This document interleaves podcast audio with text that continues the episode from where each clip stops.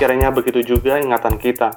Kerjanya ibarat cahaya yang menerangi masa lalu. Pertama kita arahkan cahaya itu ke masa lalu kita sendiri. Kemudian kita bertanya kepada orang-orang yang sudah tua. Kemudian kita mencari berkas dan surat-surat orang yang sudah meninggal. Dengan demikian, kita dapat menerangi masa lalu yang semakin jauh. Kita selalu dicekokin dengan tahun berapa perang Pangeran Diponegoro. Untung gua apal. 1871. Ngaco, 1825, 1830 ngaco nih orang. Betul, betul. 1871 itu Ibu Kartini. Ah, ah sudahlah.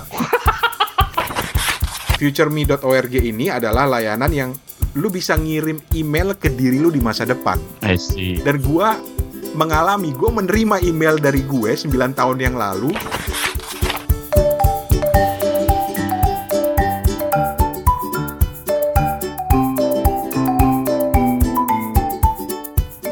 Ya, selamat malam kawan-kawan. Kita ketemu lagi di Kepo Buku bersama gue Rane Hafid di Bangkok. Dan Stephen di Ambon. dan gua sendiri yang tetap ada di Singapura. Dan bersama kita bertiga banyak teman-teman kita yang juga menemani kita malam ini tapi tidak terlihat secara kasat mata. Ya, ya, ya, ada nyari masalah ngomong kayak gitu. Baik yang orang dan makhluk halus juga. Ah, udah, udah, udah, udah. Hoi. Shh, shh. Kenapa di masalah? Itu yang di belakang lu tiga orang yang lagi ngomong-ngomong kayak gitu. Bodoh amat. Ah,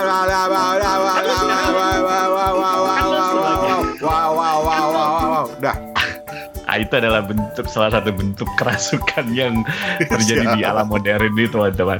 Jadi jadi lu kan udah punya teman teman lu yang Udah, tok, saat tok, ini tok, please, juga, tok. Gue penakut orangnya, tok. yang yang bikin eh, apa namanya podcast horor siapa Mas siapa namanya Mas Rizky, Mr. Popo. Mr. Popo ah Mr. Popo kan udah jadi teman baik lu, lu juga udah jadi fansnya podcast dia Tapi nggak jadi lu udah gitu-gitu jadi pemberani juga dong Jangan Hah? gitu dong. Gue takut gue orang. gini men Badan boleh gede, umur boleh paling senior, tetap aja gue penakut kalau udah urusan hantu. gini gini nih, gue kasih tips buat teman-teman juga. Kalau lu nonton film horor supaya nggak takut, nggak usah pakai suara. Bukan nonton film itu mah. Tahu, Toto. No- tetap nonton film nggak denger suaranya, dijamin rasa takutnya berkurang. Nah, cuman gue nggak tahu tips itu apakah berlaku untuk podcast horor apa enggak, gue nggak tahu. Coba lu cobain dulu. Ya kagak, orang ngandelin suara. Gimana lo? Jadi cuma lihat, jadi cuma lihat uh, mukanya Mr. Popo doang. Halo Mr. Popo, apa kabar? Sekali sekali nyebut orang lain, masa kita nyebut Iya. Lela Hudori mulu kan? Iya kan, gitu kan. Oke lah, eh, kita akan memulai episode Kepo Buku kali ini yang kita juluki sebagai episode yang tadinya gagal. itu kan orang lo nggak tahu. itu kita kita doang yang tahu kalau itu pernah gagal. Ya karena di, di minggu lalu kan gue cerita, gue minta maaf. Ketika gue ngulang episodenya gue minta maaf, gue bilang gue yang tanggung jawab. Oh iya ya kita udah bilang ya. Oke oke oke. Nggak apa-apa. Itu kan namanya kita juga coba-coba ya nggak sih. Iya. Hmm. Biarin lah. Nanti edisi edisi berikutnya kita lebih siap. Itu Uh, keinginan Steven Steven, lebih- keinginan Steven terkabul tuh. Oh, oh gitu. Nggak, jadi jadi dia jadi di episode mendatang tuh Steven lebih siap dengan warna lipstiknya yang lebih pink misalnya gitu. Gue lebih siap dengan eh, rambut gue yang lebih keriting gitu kan. Jadi, Dani lebih siap dengan lebih kurus misalnya gitu. aduh, Nggak ya? jadi buat Susah ngasih ngasih konteks ke teman-teman ya. Jadi minggu lalu itu kita eh, ceritanya sok-sokan mau pakai video. Wah, jadi dong pakai Zoom. Iya, rekam, deh. wah masing-masing ngobrolin bukunya, kita tunjukin di videonya. Ini loh halaman segini, ini yang di highlight. Tiga jam loh, tiga jam loh kita loh. Tiga jam kita rekaman gitu. Tiga jam Enggak lah loh. satu setengah jam, tiga jam. Satu setengah jam rekamannya, tapi kan satu setengah jam dulu dandannya. Kan kita pakai video kan dandan dulu kita. Dan udah gayanya masing-masing, Toto dengan perpustakaannya, Rane dengan keredongan sarung gitu, sok gaya. Bener. Steven siang-siang udah ke salon dulu Udah ke kan. salon gitu. Oh, oh, gitu. Hasil karena kita ingin sekali-sekali menampilkan video dan juga audio gitu kan di podcast kita biar kayak yang lain-lain Ya. gitu yang sering main zoom zoom gitu. Eh, kagak kerekam. Eh bukan kagak kerekam. Begitu selesai di download kagak bisa. ya sudahlah. Ya, nggak apa-apa, nggak apa-apa. Apalah pengalaman pelajaran. Jadi gimana, Van? Masih pengen pakai video, Fen? Ya, kalau kalau udah oke lah ya. Kalau udah oke. Settingannya. Ntar kita bikin. oke. Ntar gue cari ini nih deh, filter biar eh, wajahnya itu jadi lebih Lebih kinclong. lebih kinclong. Alah, filter rekam audio video aja kagak becus mau pakai filter.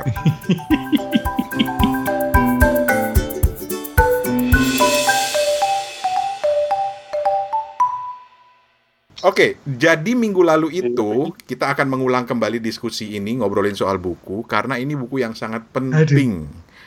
Dan mudah-mudahan masih pada inget ya.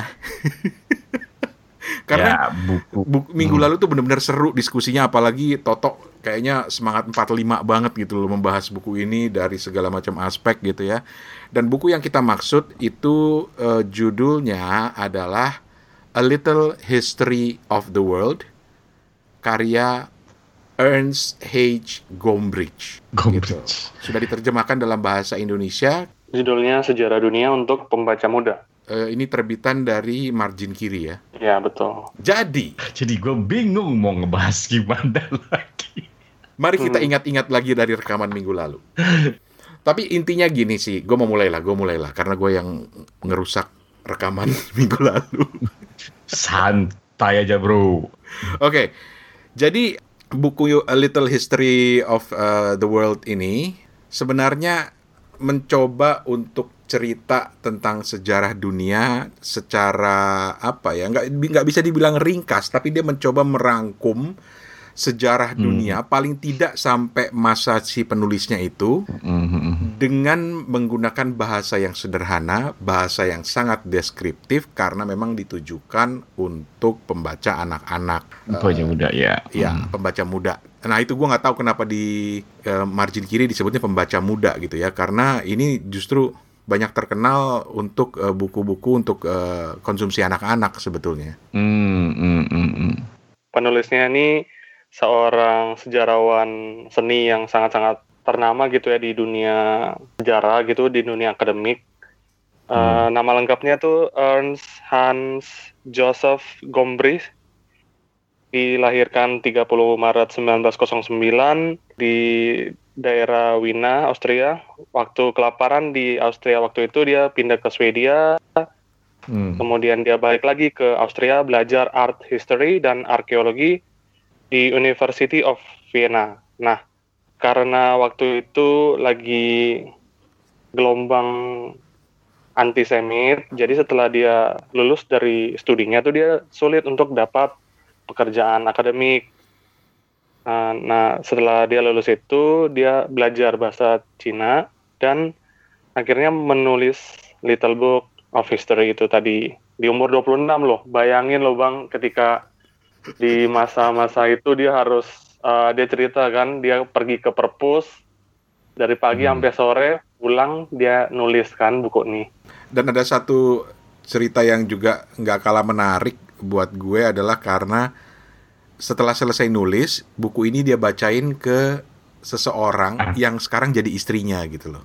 Iya. Oh, oke. Hmm, hmm, hmm. Apa itu? Sorry sorry itu ini motor. Lu Masuk, jadi begal lo malam ini lo. Lu, Bukan lu ini suara ganti-ganti suara mulu. luar suara luar tuh masuk. Sorry sorry. Nggak apa-apa, Oh. santai. Lu lagi kirain lu ma- lagi Santai. manggil GoFood. Woi. Eh, Oke. Episode ini bukan disponsori oleh GoFood. Iya. Nah, gue terus terang kepincut banget sama buku ini gara-gara baca bab pertamanya toh, Fen. Jadi buat Hmm. gue itu mengingatkan eh, pada apa ya? cara bercerita eh, seseorang kepada anak-anak gitu dengan kata-kata once upon a time pada suatu waktu gitu. Nanti mungkin Steven bisa bandingkan dengan bahasa Indonesianya. Kita minta baca dua atau tiga paragraf atau tiga bab juga nggak apa-apa gitu ya. Tapi eh, gue suka cara dia di bab satu itu bercerita menjelaskan konsep sejarah kepada anak-anak. Iya. Eh, misalnya ketika dia bilang bahwa semua itu dimulai dengan once upon a time. Bahkan lu si pembaca Mm-mm. juga kan pasti punya once upon a time pada suatu waktu atau pada suatu hari gitu.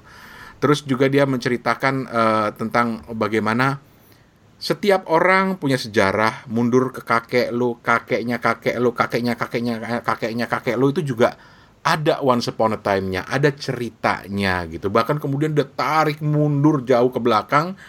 Dan uh, gue paling suka ketika dia menggunakan analogi apa sih sekertas yang dikual-kual tuh? Pokoknya kertas yang di di dikual-kual gitu terus dibakar gitu ya. Terus diminum diminum.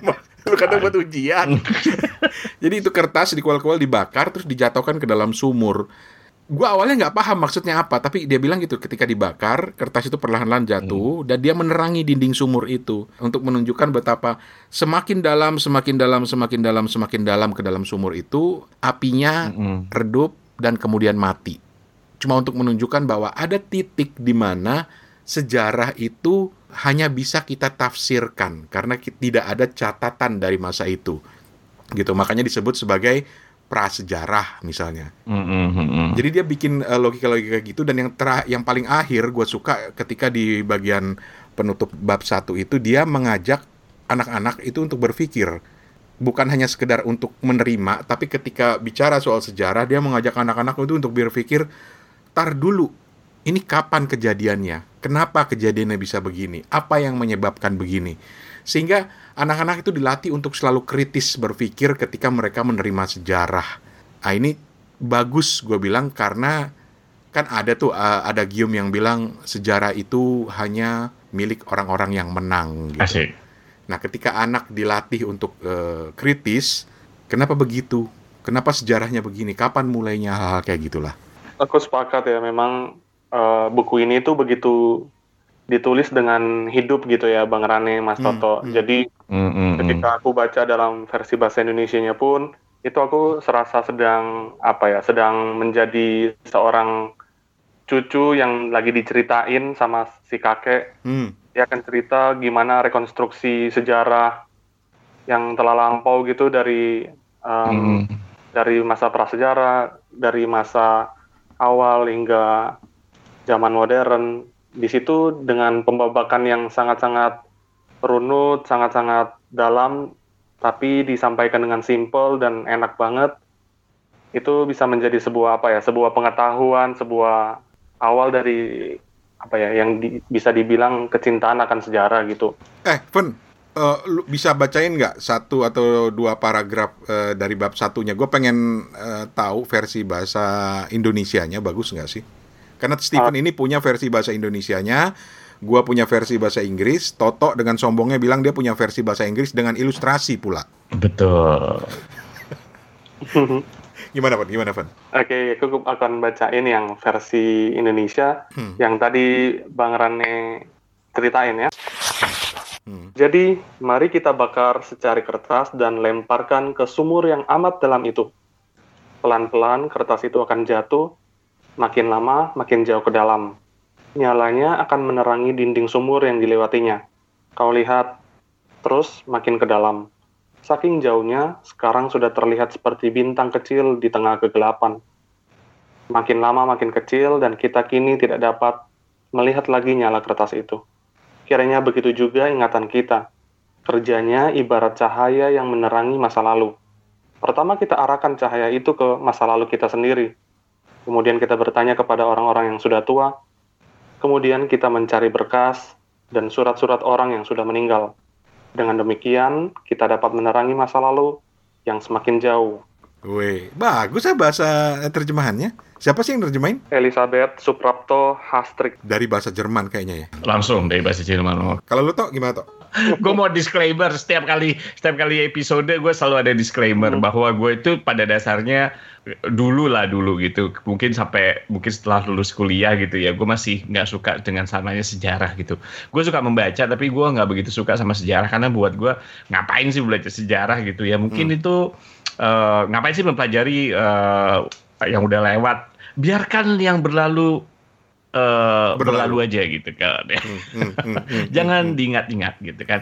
Tapi lambat laun setelah setelah ke sini gitu kan, setelah membaca, setelah setelah akhirnya punya punya apa namanya referensi uh, lebih mendalam lagi tentang sejarah. Lama-lama gue suka gitu sejarah. Itu sejarah kayak menarik ya gitu ya. Uh, apa pun itu gitu ya, bawa dari kacamata dan, dan ternyata sejarah itu nggak bisa dilihat cuma satu satu apa namanya perspektif gitu ya. Kalau yeah, Rani tadi yeah. bilang sejarah ditulis atau diwarnai atau whatever it is gitu, direcord sama orang-orang yang menang, ya ya ternyata di situ ternyata terlihat bahwa sejarah itu bisa dilihat dari beberapa perspektif. Nah, balik lagi ke sini dia salah satu buku sejarah yang menurut gua mungkin buat teman-teman yang yang saat ini mungkin nggak suka sejarah karena seperti kayak gue trauma ketika di SMP atau SMA gitu ya. Kita selalu dicekokin dengan uh, tahun berapa pangeran uh, perang pangeran Diponegoro? Untung gue apal 1871 ngaco 1825 1830 ngaco nih orang 1871 itu ibu Kartini. Ah, ah sudahlah lanjut lanjut nah kita selalu dicekokin gitu tanpa tanpa kita lihat ada apa sih di peristiwa itu yang bisa kita jadiin pelajaran atau apa hikmah di balik itu kan gitu kan. Hmm, hmm, nah, hmm. tapi buku ini adalah salah satu buku yang menurut gua uh, bagus untuk sebuah teman-teman untuk untuk yuk baca yuk sejarah tuh apa karena dia kan dia tuh uh, mengawali dengan uh, chapter pertama gitu ya uh, once upon time gitu kalau di kalau di edisi bahasa Inggrisnya, kalau di Indonesia apa ya, uh, Fen ya? Di chapter pertama itu apa judulnya? Pada zaman dahulu kala. Ah, pada zaman dahulu kala gitu kan. Nah, uh, gimana gitu sejarah itu dimulai dan kenapa lu nggak kenapa sih, tapi kayaknya menarik aja gitu sejarah ini gitu ya. Dan dia akan terus dibabak dari mulai awal sampai akhirnya ke dalam zaman prasejarah, kemudian ke Mesir gitu ya, uh, sejarah-sejarah Mesir yang menarik gitu dan teman-teman di sini bisa dapetin nanti kita mungkin bahas ya lebih detail di chapter hmm, per chapter. Hmm, hmm. Ada apa sih yang menarik di setiap babak sejarah itu gitu. Betul. Jadi di sini jadi di sini tuh jangan khawatir walaupun di sini ada beberapa angka misalnya seribu tahun uh, eh, BC gitu kan ada Raja Hammurabi uh, misalnya kayak gitu. Tapi tenang bahwa ceritanya lebih menarik gitu. Lebih menarik. Jadi teman-teman okay. akan bisa uh, jadi teman-teman bisa tahu sejarah itu ternyata menarik ya. Apa Betul. sih yang bisa kita pelajari dari sini gitu. Minimal Betul. minimal kalau kalau tuh kalaupun teman-teman nggak bisa dapat insight gitu ya karena susah gitu menarik menarik pelajaran dari sebuah kisah paling nggak teman-teman dapat kisahnya dulu deh gitu menarik deh gitu gimana sih uh, nanti perkembangan misalnya uh, apa kan eh, yang kalau lu favorit lu misalnya nanti Rani mungkin akan bahas tentang hmm. I can read bab hmm. I can read saya dapat membaca di bab 6 gitu nanti Rani hmm. akan bahas kenapa yang menarik di situ. Iya. Dan dan jangan lupa Mbah Gombrich juga bilang sama seperti Toto, jangan-jangan kenal lu sama Gombrich ya, Toto. Uh, Gombrich itu pernah bilang dia bilang saya nggak mau pembaca saya itu uh, menganggap ini sebagai pengganti buku sejarah gitu karena ini tujuannya berbeda jadi dia bilang saya cuma ingin pembaca saya santai membacanya mengikuti sejarah dengan santai tanpa harus mencatat nama dan peristiwa. Tuh. Jadi baca, jadi mempelajari atau mungkin jadi membaca sejarah itu yang santuy aja, cing. Santuy, santuy. Hmm. Wah, lu... Santuy, bener ya? San Bener ya, Fen ya? San santuy. iya, itu. Lu tanyanya Steven.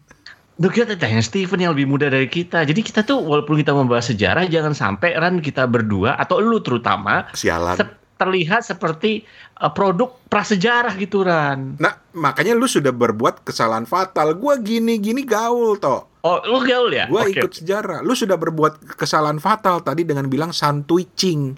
Cing itu bahasa tahun 80-an, 90-an. Santuy itu tahun 2000. Gini, itu gua lakukan dengan sengaja. Ngeles. Jadi, walaupun gua kekinian, gua akan tetap dengan identitas gua. Jadi orang juga tahu oh Toto ini berusaha me, ini mengikuti perkembangan terkini tanpa kehilangan identitasnya. Begitu. Sae lo Samsudin. Sae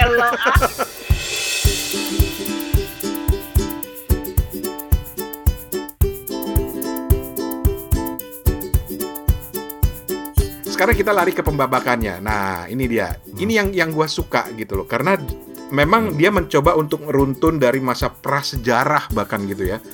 Orang lu hmm. ngebayangin kan ada buku yang bercerita tentang sejarah dunia itu dari masa prasejarah gitu. Itu kayaknya ngebosenin banget, tapi cara dia membabak membagi pembabakan itu keren gitu loh. Misalnya Once Upon a Time itu di pengantarnya Terus misalnya uh, ketika dia membahas, oke, okay, ini kalau gue bilang gini, kalau judulnya, ntar Steven bisa liatin yang bahasa Indonesia-nya ya. Bab 2, Fen. Iya. The Greatest Inventors of All Time. Itu judul bahasa Indonesia-nya Iya. apa, Fen? Penemu paling hebat yang pernah ada. Nah, ketika ju- kita baca judul itu, kan kita langsung mikirnya, wah, Thomas Alva Edison, atau Hmm. uh, uh, Newton, atau siapa.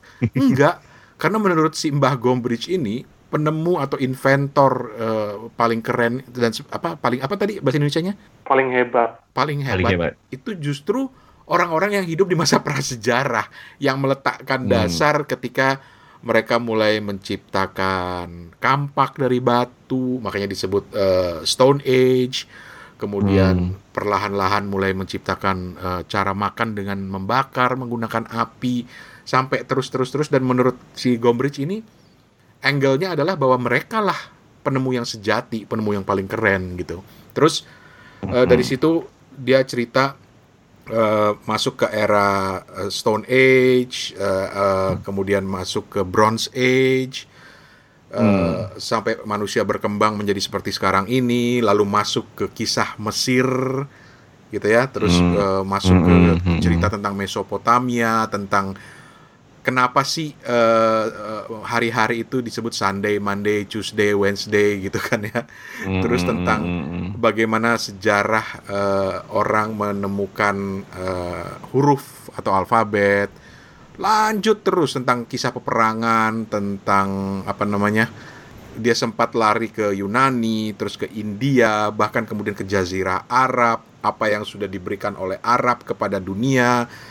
Eh, bahkan masuk ke sejarah tentang eh, Nabi Ibrahim, kemudian eh, Nabi Isa dan kemudian bahkan menyentuh juga soal eh, Nabi Muhammad gitu. Jadi pembabakannya itu menarik walaupun Hmm. sebenarnya runtun ya toh ya. sebenarnya runtun kalau dilihat dari dari perkembangan sejarah umat manusia gitu. Hmm. Cuman memang di chapternya memang uh, dia ambil di kira-kira di babak itu tuh apa yang kira-kira uh, menarik gitu ya. Jadi dia jadi dia misalnya kayak ya tadi uh, Rani bilang gitu, um, pembabakannya tuh ngurut dari mulai zaman prasejarah sampai akhir nanti di tahun Jangan bilang akhir, belum. Hah? Belum berakhir, masih lanjut hidup.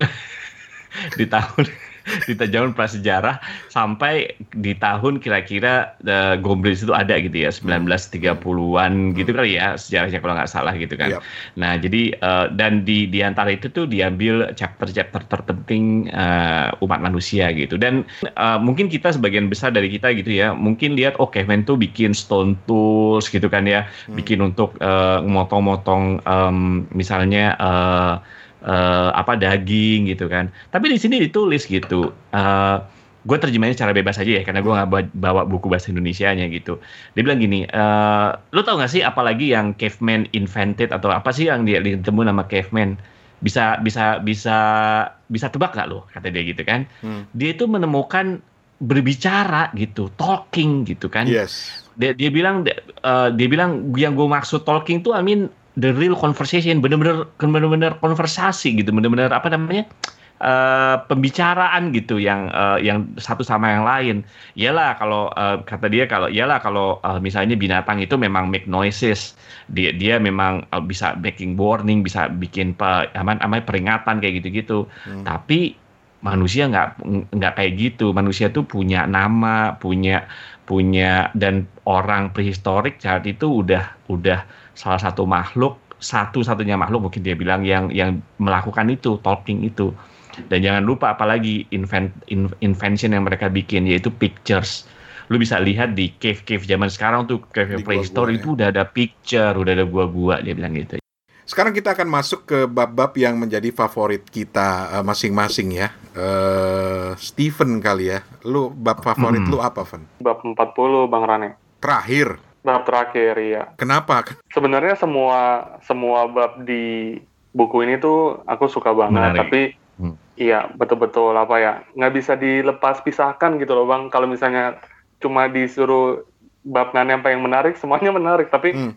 Uh, yang jadi yang jadi apa ya, yang jadi sebuah hal yang spesial tuh di bab 40 ketika di Hmm. 39 bab awal dia ceritain apa yang menjadi perspektif dia gitu kan ketika dia menyerap dari literatur yang dia baca di perpus seharian dan ketika dia akhirnya bisa menambahkan satu bab yang menjadi apa ya menjadi anchor dia ketika Hmm. dia berada Hmm, di hmm. dalam uh, periode sejarah tersebut dia Hmm. bilang dengan kilas balik gitu ya bang Hmm. dia juga melakukan sebuah refleksi gitu ya sebuah apa ya sebuah kilas balik sebuah uh, melihat kembali apa yang telah dia tulis sebelumnya ya karena chapter 40 ini pun ditambahkan di uh, bertahun-tahun setelah edisi pertama yang Ya. terbit di 1936 itu Betul.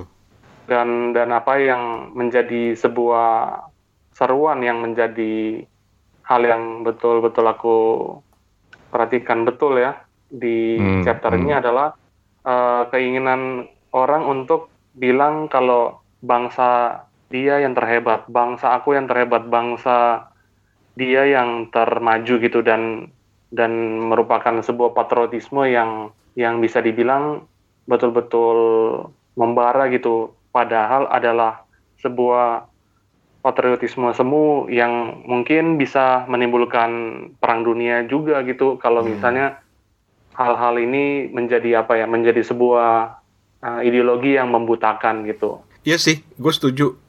Ba- bab terakhir ini justru membuat bukunya menjadi lebih relevan, walaupun memang relevan di zamannya dia ya. Lo kebayang nggak sih kalau Mbah Hmm. Gombrich ini hidup sampai tahun 2020? Mm-mm. Kayak apa update-nya? Mungkin update-nya jadi satu buku sendiri kali. versi dua Yoi, untuk nunjukin betapa ud- udah gila eh, berubahnya eh, kehidupan manusia gitu. Eh, lo gimana Paman Toto? Kalau gue kalau ngomong bab, gue tuh selalu tertarik dengan sejarah yang justru zaman-zaman dulu gitu, di mana kita tuh sampai sekarang masih eh, kagum gitu ya eh, Yunani. dengan Yunani Iya salah satunya gitu. Nah maksud gua kita selalu gua terutama selalu kagum dengan kok orang zaman dulu bisa kayak gitu nih. Eh, misalnya kayak gitu ya, kalau di Indonesia mungkin contohnya Borobudur gila ya orang bisa bikin kayak gitu. Gila tuh dalam artinya bukan gila lu enggak, tapi maksudnya gi- teknologinya gimana bikin kayak gitu. Nah kalau di buku ini ya otomatis em, eh, gua eh, seneng banget ketika dia membahas tentang Mesir gitu, chapter 3, the, eh, the land by the Nile gitu Hmm. kan. Dan salah satu kutipan yang gue suka adalah ketika uh, Mesir itu salah satu yang gue yang gue selalu lihat. Karena mungkin ada hubungan dengan uh, agama gitu ya Ran ya. Hmm, kisah Firaun kayak gitu-gitu. Dan dan kita tahu bahwa di antara raja-raja Mesir yang disebut Firaun itu ternyata ada satu satu raja Firaun atau Farao gitu ya kalau bahasa Inggrisnya yang beda sendiri gitu. Jadi ada di sini dibilang on other occasion it it was the Pharaoh himself who tried to change everything. Jadi ada satu Firaun namanya Akhenaten yang dia hidup sekitar 1300-an eh, 70 eh, BC gitu ya. Hmm. Uh, uh, jadi dia uh, dia bilang "Ng- kalau raja-raja Firaun zaman dulu itu banyak banyak sebelum dia gitu ya banyak menyembah dewa kata dia nggak ada yang kayak gitulah. Cuman ada satu Tuhan kata dia gitu. There's only one God. Nah tapi walaupun setelah dia setelah dia meninggal dia Fir, uh, Firaun Firaun setelahnya balik lagi. Nah gue kadang-kadang suka gini nih. Gue suka menghubungkan ini kira-kira kalau Firaun di zaman Nabi siapa nih ketika dia dekat dengan Nabi siapa? Sehingga satu-satunya Hmm. kalau gue mudah kan maksud gue Ya, ya, menurut ya. kepercayaan gue kan kita selalu menyembah cuma satu Tuhan di mana Ah, nggak ah. banyak Tuhan gitu misalnya kayak gitu. Nah gue coba ah 1300 1300 apa zaman zamannya Nabi Nabi Yusuf gitu kan misalnya kayak gitu karena pada zaman saat itu kan Nabi Yusuf ada di Mesir kayak gitu gitu Itu kan Nabi Yusuf di Aslinya- era-eranya Firaun gitu ya. Iya, mungkin ya kalau Firaunnya itu Firaun yang mana gitu Ah, kan. oke, Karena oke, kalau oke. zamannya Nabi Musa, Firaunnya jelas-jelas dia yang menyebabkan eksodus malah Ah, kan gitu ah, kan. Nanti betul, kita hubungin. Nah, jadinya gue coba coba kayak gitu aja gitu. Bisa jadi benar, bisa jadi enggak. Tapi kan ya itu ketertarikan gue membaca sejarah sekarang menghubungkan seperti itu gitu loh. Kalau gue. Jadi menarik sebenarnya kalau menurut gue eh, dan kalau mau didalemin lagi eh, gimana di sini ada nih eh, gimana cara lu punya hieroglif Nah sekarang kenapa orang bisa baca hieroglif gitu? Di sini dia jelasin nih. Gua nggak akan bilang di sini lah ya. Kalau gue, Mm-mm. gue suka bab 6, eh, judulnya I Can Read. Nah, Kenapa gue suka bab ini walaupun ini salah satu bab yang paling pendek ya. Tapi gue suka Mm-mm, karena dia memancing orang untuk berpikir. Jadi dia intinya dia cuma mau mm, mempertanyakan kenapa ya eh, alfabet itu bisa menjadi medium komunikasi bahkan bisa lintas bahasa gitu ya. gue Mm-mm, bacain mm-mm. ini ya dikit aja ya. Dia bilang gini. And with 26 letters you can write anything down dia bilang hanya dengan 26 huruf lu bisa menuliskan apa saja dalam bahasa Hmm. apa saja gitu. Nah, buat dia eh, ini menarik eh, dan salah satu bagian dari sejarah yang dia ceritakan di situ eh, adalah bahwa ini eh, mungkin salah satunya dipicu oleh para apa ya pedagang yang bepergian Pedagang, jauh hmm. keluar dari negaranya gitu ya Eh, sehingga mereka butuh cara untuk berkomunikasi jadi dia bilang mungkin di situ lahirnya eh, alfabet yang tembus lintas negara walaupun nanti di bab-bab lain juga ada ada bagian-bagian yang menjelaskan tentang eh, bahasa tentang tulisan mulai dari Hmm, hieroglif Mm-mm. kemudian sampai ke bagaimana dunia itu berhutang budi pada eh, eh, budaya Arab yang memperkenalkan huruf eh ah, ah, sorry angka gitu Angka. numerik gitu ya. Mm-mm. itu tuh menarik buat gue dan benar-benar walaupun pendek tapi memicu pikiran gue untuk iya bener juga ya gitu.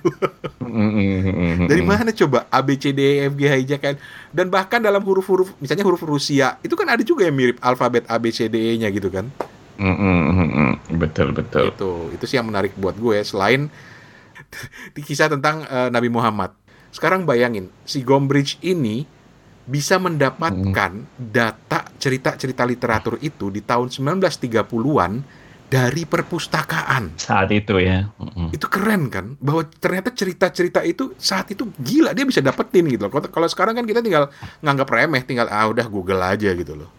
Tapi dia bisa Mm-mm, mendapatkan mm-mm. cerita-cerita itu dan ketika gue baca, ih sama nih gitu loh sejarahnya. Walaupun ada beberapa bagian yang gua nggak yang nggak gua setuju gitu ya. Tetapi eh kurang lebih sama nih berarti rujukannya dari dulu sama gitu. Ya seperti yang tadi yang akhirnya lu bilang ya di bab ini yang salah satu gue suka adalah yang tadi lu bilang bahwa bagaimana ada pengaruh-pengaruh eh, Arab yaitu dengan penulisan angka dia bilang dan lu lu lu kalau Arab nggak melakukan ini dia bilang eh, lu selamanya akan seperti romans gimana kalau romans itu menulis angka misalnya 12 lu akan nulis XII kan gitu kan Hmm. angka Romawi gitu kan ya Hmm. 112 lu akan CXII gitu. Kalau tambah ribuan lagi 1000 1112 jadi MCXX, MCXII gitu kan. Coba kalau lebih gede lagi ya. Nah, dia bilang angka Arab nih easy karena dia gampang gitu, gampang dan eh, gampang ditulis gitu kan. Cuman tinggal place value aja gitu, tinggal ditempatin aja angkanya gitu kan. Eh, di di di posisinya yang misalnya ribuan, eh, lu tahu kan ya eh, satuan, puluhan, ratusan, ribuan gitu kan. Jadi kalau ngomong eh, 1112 ya cuma 1112 gitu. Oke. Gitu. Nah, eh, gimana? Kan dia bilang dia bilang kita tuh berhutang dengan bangsa Arab nih yang dia begitu di mana juga mereka sendiri juga berhutang terhadap bangsa Indian. Kita tahu kan bangsa Indian Yap. itu yang menemukan angka nol gitu kan. Mm-mm. Nah,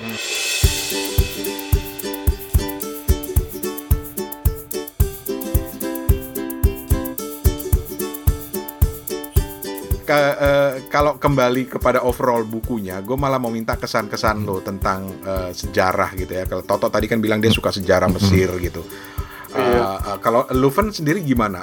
Overall kesan lo tentang buku ini dan juga eh, minat lo pada sejarah. Oke, uh, overall buku ini tuh membuat aku em, betul-betul menikmati sejarah gitu ya. Betul-betul pengen tahu, bukan pengen tahu, maksudnya lebih teredukasi lah. Lebih teredukasi gimana ya? Lebih apa ya? Lebih mendapatkan gambaran Hmm. secara secara mendetail akan sejarah dunia, bang.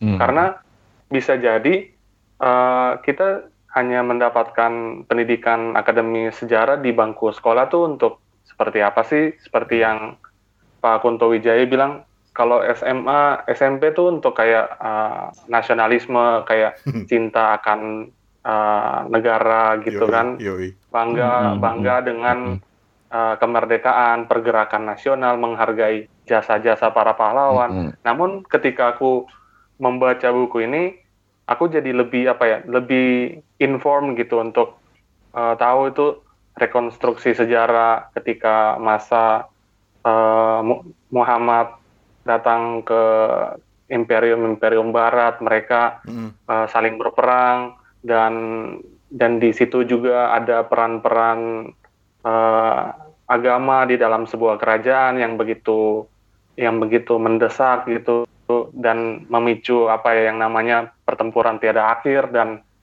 dan apa yang menjadi sebuah ikon tersendiri yang begitu melegenda di film-film misalnya para kesatria dan Hmm. akhirnya berujung di negara-negara modern. Jadi secara overall buku ini tuh menumbuhkan minat untuk apa ya?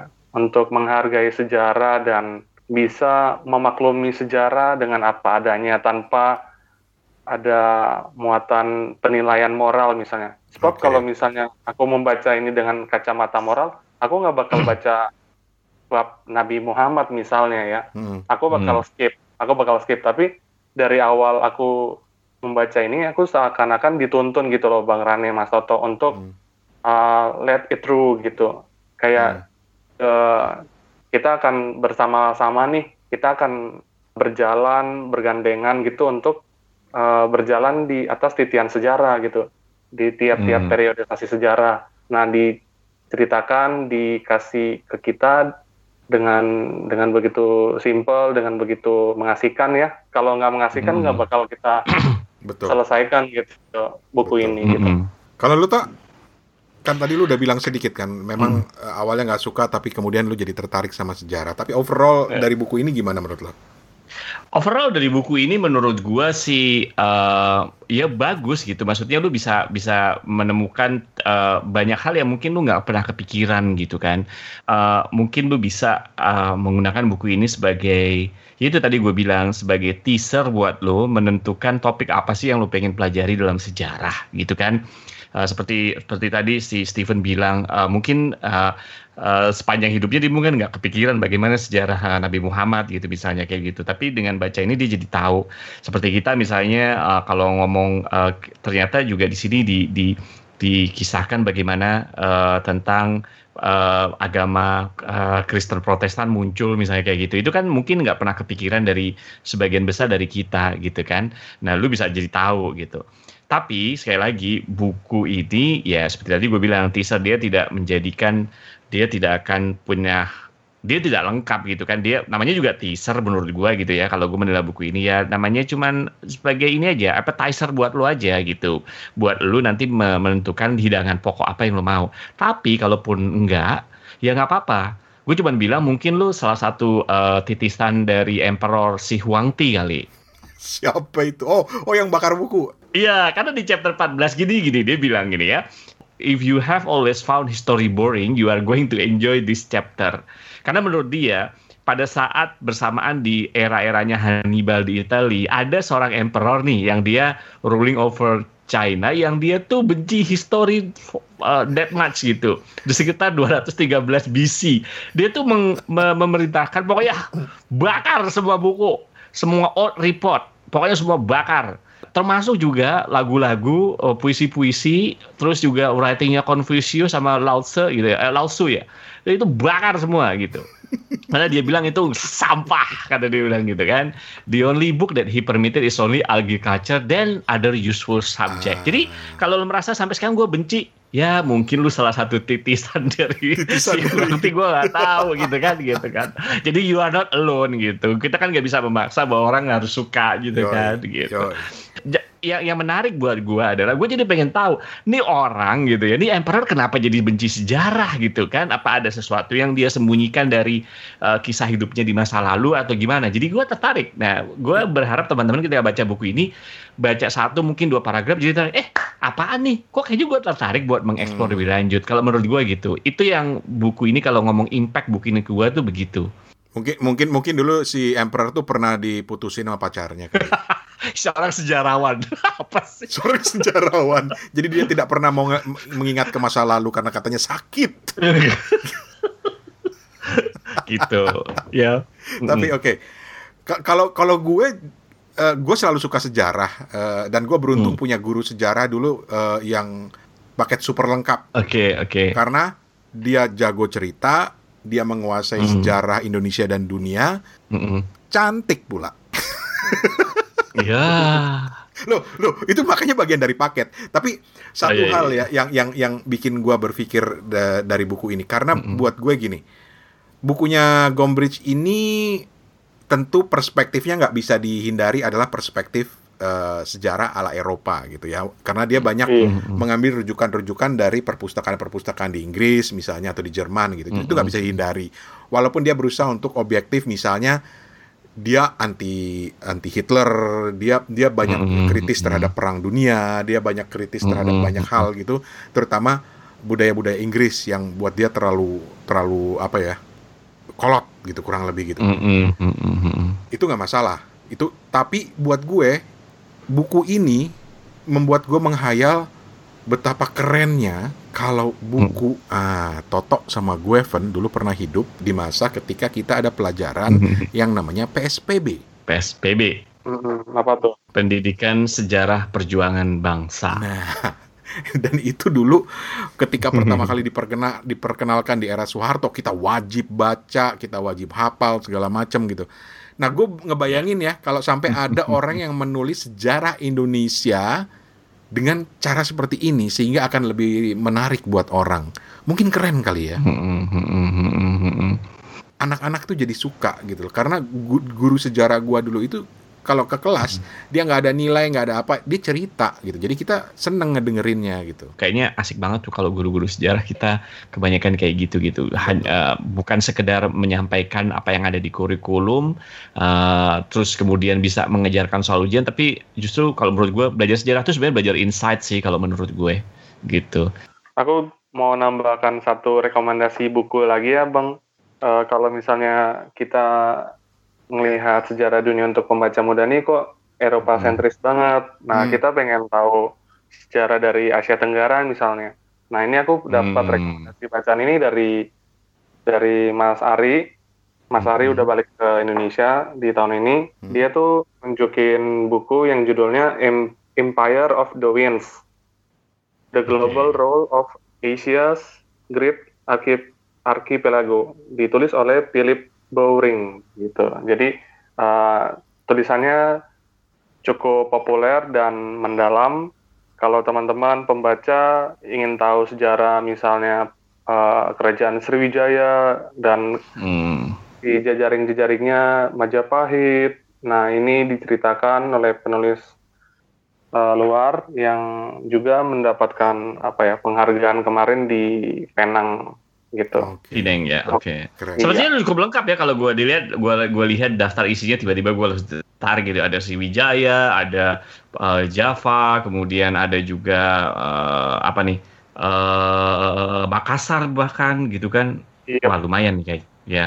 Oke. Kalau mau kepo tentang Nusantara misalnya, kalau misalnya Mm-mm, betul betul. yang kecil aja dulu gitu. Iya. Biar Mm-mm. lengkap lah ya. Jadi perspektif Eropa ada, perspektif Asia ada gitu ya.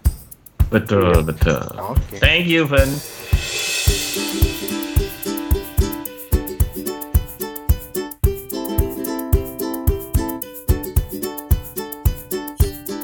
Anyway, di bagian-bagian terakhir ini gue mau ma- masukin eh, sedikit eh, tema tentang sejarah masa kini. Karena gue ngebayangin gini, Tok, Ven. Mm, mm, mm, mm. Ya, lu kebayang nggak sih pada suatu saat hidup kita sekarang ini akan jadi bagian di buku sejarah seperti bukunya eh, Mbah Gombrich tadi gitu. Enggak suatu saat saat ini pun menurut gua kalau lu mau nulis buku sejarah tentang kehidupan lu bisa kan. Udah bisa Kita ya. Nah, berdua Hmm. bisa. Apa contohnya? Contohnya yang sederhana aja. Kita kan kadang-kadang ngomong sejarah tuh, wah orang perang, Hmm. oh orang Hmm. apa gitu. Nggak usah. Yuk kita berdua bikin sejarah teknologi dari mulai komputer, dari mulai tape recorder, dari mulai lu punya apa tadi? Eh, s- apa nih kalau di rumah kita audio yang apa tadi? Yang yang ada tape cassette recorder, double tape itu kompo, namanya mini apa? Kompo. Kompo, mini kompo. itu aja udah kita bisa bikin tulisan sejarah serius Yoi, gimana betul. floppy disk itu salah satu tulisan sejarah secara sejarah ya ngomongnya itu sejarah teknologi kan gitu kita Hmm. bisa sebenarnya jadi nggak usah nanti sekarang pun kita bisa bikin apa yang terjadi di orang-orang sekarang juga nggak ngerti loh gue pernah ngomong sama orang yang baru lulus gitu ya dia jurusan teknik informatika. Terus gue ceritain tentang floppy disk. Dia tuh ngeliat gue kayak oh gue ngajarin sejarah lo sama dia seriusan? Seriusan, gue kan cerita nih, ini bukan teman-teman mungkin ketawa ya. Eh dulu tuh gue belajar komputer lu ngebooting lu tau gak lah? Ngebooting tuh gue masukin floppy disk, floppy disk. Ya apaan tuh yang yang gitu? Oh dia terus dia lihat gambar, oh gitu. Terus lu tau nggak floppy disk tuh harus gue taruh di tengah-tengah buku kalau gue mau ke teman. Kenapa emangnya? Kalau ketekuk kan gak usah dipakai. Hah? Itu gampang ketekuk. dia udah nggak bisa ngebayangin, gitu kan? Apalagi dia Gak orang bisa ngebayangin. ini ya. Dia, dia orang, orang IT, IT, ya. Orang IT gitu kan. Orang IT zaman sekarang dia lulusan teknik informatika. Tapi kan dia juga nggak tahu apa yang terjadi saat itu mungkin kan. Ya juga gue bilang iya abis itu tuh gue gue tuh dulu seneng banget kalau gue tuh terus teman-teman gue tuh masih punya komputer namanya XT terus dia lihat oh XT tuh kayak gini gitu kan ya. Dan komputer gue dulu udah AT gitu. Dan udah pakai hard disk Oh iya, kata dia hard disk tuh hard disk generasi pertama. Lu tahu nggak berapa megabyte? Hah, mega kata dia gitu. Mega kata dia gitu. 40 megabyte. Hah, seriusan? so gue ngeceritain dia, dia kayaknya gue bisa bikin sejarah teknologi, ini lucu juga nih gue pikir nih gitu. Dan jadi Hmm. jadi ya ya terus apa yang belajar dari situ kan perlu menarik juga gitu dan ternyata orang menarik oh lucu ya gitu tapi kalau lu cuman sodorkan sebagai fakta ya mungkin Iya kan Hmm. Radi mungkin beda. Lu mungkin bisa bisa ngomong sejarah nggak tahu ya sejarah cemilan di masa itu sejarah sejarah, sejarah se- sejarah buku paket saat itu Iya, sejarah betul. pendidikan kalau lo mau kan sejarah Eni Ero gitu kan ya. ya sejarah Eniero apa gitu ya dulu bisa jadi kenapa enggak gitu kan ya mungkin seperti itu tapi di di bidang teknologi kalau Mas Toto cerita gitu kan aku jadi Hmm. kepikiran kalau sejarah itu kita akan bikin penulisan sejarah misalnya jurnal kehidupan kita sehari-hari ini sebagai sebuah cerita Yes. aja gitu sebuah sebagai sebuah cerita lisan yang mungkin kelak akan kita turunkan ke eh, pembaca-pembaca di tahun-tahun mendatang karena mereka Yes. akan jadi Betul. seorang apa ya seorang yang awam dengan dengan segala macam informasi kan dan mereka akan Betul. ketika butuh informasi di 2020 di, di Hmm. Dan dan entah muncul dalam bentuk cerita yang Hmm. pendek ataupun esai ataupun betul betul hanya sebuah status dan dia akan oh begini ya mereka Hmm. waktu itu lagi kebanjiran karena Hmm. karena Hmm. banyak banyak kebakaran hutan ataupun oh gini ya sekarang tuh banyak demo karena ada sebuah tuntutan undang-undang Oke. gue setuju sih, gue setuju sama Steven karena gue mungkin nyambung ya. Barusan tuh eh, siang tadi tuh gue lihat ada di YouTube gue nggak sengaja. Jadi jadi tuh orang ini sebenarnya bukan ya sebenarnya di zaman itu itu sama seperti kita di zaman sekarang orang bukan suatu tokoh yang yang yang yang memainkan peranan sejarah. Jadi Hmm. dia itu adalah seorang anak eh, Belanda gitu ya, yang waktu zaman penjajahan kolonial Belanda adalah bapaknya adalah seorang dokter eh, yang ditugaskan di eh, wilayah kolonial yaitu Indonesia waktu itu dia di di di Sumatera, di Medan, kemudian pindah ke Bandung. Lo tahu nggak bukunya, buku eh, zaman segitu kan orang tuh rajin banget bikin catatan harian Yap, kan. yap, yap. Nah catatan harian orang tuanya itu kalau nggak salah diterbitkan. Dan menurut gua ini tuh juga kalau buat gua tuh saat ini orang udah jarang mulut lulus harian baru eh, catatan harian kan. Kalau zaman dulu kan orang termasuk rajin. Nah sekarang agak mulai digalakkan lagi tapi untuk untuk mungkin untuk apa ya namanya ya eh, kesehatan mental lo kayak gitu. Tapi menurut gue sih apa yang dibilang Steven tuh relevan banget gitu. Oke. Karena justru buat orang-orang biasa kayak kita ini, ketika catatan sejarah ini dibuka atau catatan harian lo sebagai orang biasa, buat sejarawan di saat itu ngelihat orang biasa, oh ternyata seorang Stephen yang bukan yang mungkin ya saat ini gue ngelihat Stephen gitu, gue nggak tahu Hmm. besok-besok gitu ya. Hmm, hmm. Stephen yang saat ini sebagai orang biasa, ternyata kehidupan orang biasa tuh begitu. Kalau orang Toto tuh kehidupannya begitu ternyata ya. Jadi Hmm. Orang bisa melihat sejarah kita saat ini, kehidupan kita saat ini lebih jadi lebih lengkap. Karena kan kalau orang mungkin menuliskan wah eh, ada demo, mungkin dituliskan iya di catatan negara Ah, segala ah, macam. ah, Tapi lu ah. nggak pernah tahu gimana orang perasaannya ketika macet, ketika ketika macet gitu kan, ketika ketika harus berdesak-desakan di KRL kayak apa gitu kan. Itu mungkin nggak nggak pernah ter ter ini tercatat dalam Atau jangan-jangan Sejarah. sejarah-sejarah masa lalu itu justru lebih banyak sejarah dari orang-orang terkenal gitu. Nggak ada sejarah betul. rakyat biasa. Ya kebayang kan kalau lu bikin catatan harian suatu saat kan eh gila orang biasa tuh ternyata begini ya. Gue baru tahu gitu kan. Ternyata tuh orang uh, uh, apa namanya gaji seorang uh, pekerja IT misalnya ternyata kisahnya segitu atau kayak gitu gitu kalau menurut gue menarik juga gitu dibukukan nah yang yang yang bikin gua tertarik adalah karena dengan uh, teknologi informasi yang ada sekarang, gua udah berpikir bahwa sejarah ke depan itu akan menarik karena semua hmm. orang nulis sekarang, bikin blog, bikin podcast hmm. segala macam. Jadi sejarah buku gitu ya. Buku hmm. itu akan lebih rame. Nah, ini terakhir nih, gue ngomong-ngomong soal sejarah, gue menemukan uh, sebuah website yang sebenarnya udah lama gue kenal website ini. Uh, tapi baru gue inget kembali minggu lalu ketika pas gue ulang tahun gue menerima email dari diri gue 9 tahun yang lalu lu bayangin toh hmm. jadi dengan jadi ada itu layanan website namanya futureme.org futureme.org ini adalah layanan yang lu bisa ngirim email ke diri lu di masa depan I see. dan gue mengalami gue menerima email dari gue 9 tahun yang lalu cuma mau ngucapin selamat ulang tahun terus cerita lu sekarang waktu gua nulis email ini lu lagi begini, lu lagi tinggal di sini, hidup lu kayak begini. Itu gila keren banget gue me me membaca sejarah pribadi gue gitu. Hmm. Nah, jadi futureme.org ini lu bisa ngirim email ke diri lu di masa depan dan lu bisa set public atau private. Hmm, okay, okay. Nah, gue suka baca yang di set uh, public. Jadi misalnya nih, ini yang paling tua ya. Uh, ada seseorang di Amerika yang mengirimkan uh, email buat dirinya dari 17 tahun lalu. 17 tahun lalu, oke okay, oke. Okay. Berarti tahun 2003 lah ya dan dia dia cuma bilang begini, Dear future me, today, atau eh, gua terjemahin aja lah, uh, dia bilang Dear future me, yang sedang lu alami sekarang adalah satu, semua orang lagi nanya-nanya di mana Saddam Hussein. Dua, semua orang lagi nanya-nanya di mana Osama bin Laden. Terus dia punya list terus sampai 20 yang yang bikin gua ngakak tuh misalnya gini. Uh, fi film yang lagi diputar sekarang itu Terminator 3 Terus gue sekarang lagi pakai Adobe Photoshop 7. Terus gue pakai Macromedia Dreamweaver MX buat uh, desain website. Pakai Microsoft Office XP 2000. gitu loh. Jadi gue seneng gitu loh ngeliat, wih gila ya cerita-cerita sejarah kayak gini gitu. Terus dia bilang mm -hmm. e, berat lu sekarang 230 pound gitu, tapi lu udah kehilangan 34 pound gara-gara lu ikut diet mm -hmm. Atkins namanya. Terus uh, George mm -hmm. Bush sekarang lagi uh, mau maju ke uh, pemilihan untuk masa uh, term keduanya. Gue bilang itu sejarah-sejarah yang semuanya bisa di search di internet, tersedia di internet, dan itu dibikin oleh orang-orang biasa kayak kita gitu. Keren kali ya. Mm, mm, mm. Gue mau Keren bikin kali ya.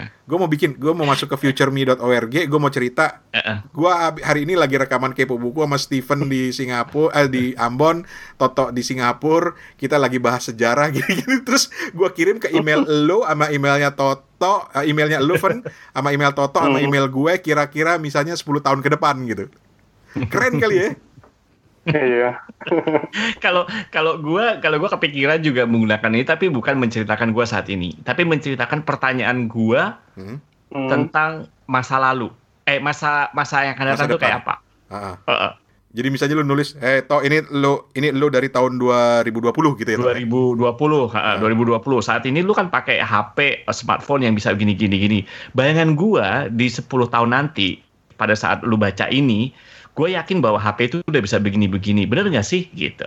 Eh, lucu juga tuh. Jadi kalau menurut gue gitu, udah bisa belum sih gitu? Uh, apakah uh, eh, HP itu, apakah uh, gue kadang-kadang gini, apakah orang sekarang baca koran, apakah koran udah benar-benar menghilang dan koran akhirnya digantikan cuman kayak selembaran plastik yang bisa di recharge setiap harinya? Hmm. Misalnya oh. kayak gitu gitu. Bener keren, keren, keren, keren. Jadi lebih ada pertanyaan ya ketimbang sejarah. Ada ya? pertanyaan. Ya? Jadi gue oh. gue gue bikin gue bikin mungkin konteksnya saat ini gue pakai ini ini ini ini di tahun segini gue udah memprediksi gini-gini. Lu bisa melakukan apa aja bisa teknologi, bisa juga politik, bisa jadi lu misalnya eh di tahun segini ada orang ngeramalin uh, negara ini pecah misalnya kayak gitu kan. Hmm. Saya negara siapa pecah gitu. Gua nggak bilang negara Indonesia ya. Terus tahun situ menurut gue sih nggak mungkin karena begini gini gini. Gimana akhirnya? Tolong dong dijawab. saya kayak gitu. Keren juga tuh. Gue prediksi 10 tahun mendatang orang udah bosen yang namanya elektromusik misalnya kayak gitu kan. Dia Uh, akan balik lagi mungkin di musik-musik tahun 70-an karena seperti biasa seperti fashion, seperti model, Berulang. seperti apa namanya? tren akan balik lagi. Gue Hmm. yakin gitu. Bener gak gue? Gitu. Gue gue akan bilang begitu malah Kalau gitu. kalau Steven, lu bisa nulis ke masa depan, lu nulis apa, Van? Uh, Dear Steven, ini lo di tahun 2020. Apa kabar? Tahun 2030. Udah kawin? Iya. apa, Van? Apa, Van? Ah ya, em, nggak nggak neko-neko sih. Aku cuma bakal nulis I hope uh, you find you well aja gitu. Hmm, sedap. itu itu dalam itu sebenarnya mengandung berbagai macam dalam. makna.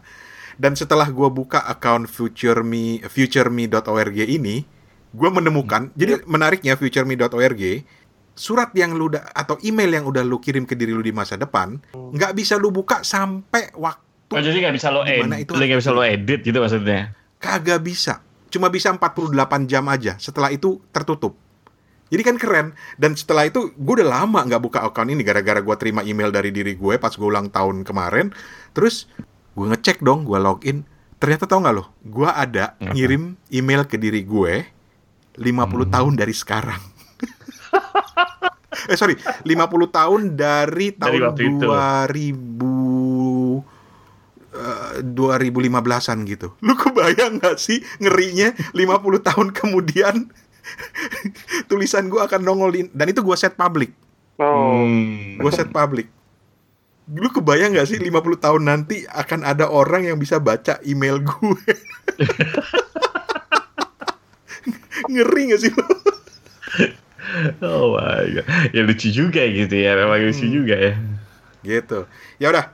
Jadi nanti habis rekaman ini gue mau tulis eh, surat ke 10 tahun aja deh, nggak usah jauh-jauh lah. 10 tahun.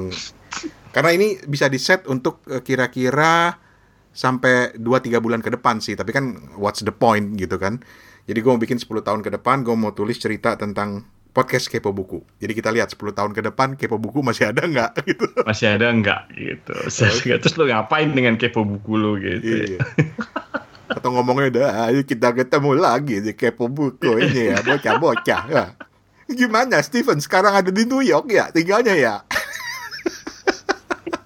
Itu weird. Dia tuwir. Oke, interesting, interesting. Dan buat teman-teman yang mau nyoba silahkan eh, di futureme.org, futureme.org, cobalah kirim surat kepada diri kalian di masa depan. Tulislah, eh gua dapat informasi ini dari kepo buku gitu. Kan lucu tuh Hmm. nanti 10 tahun ke depan kesebut lagi kepo buku. Lu baca sendiri gitu ya. baca sendiri gitu terima kasih semuanya kita ketemu lagi minggu depan Eh, gua Rane Hafid dari Bangkok Stephen Diamond. Dan saya Toto Eko yang ada di Singapura. bye bye Bye bye. Terima kasih. Stay safe teman-teman.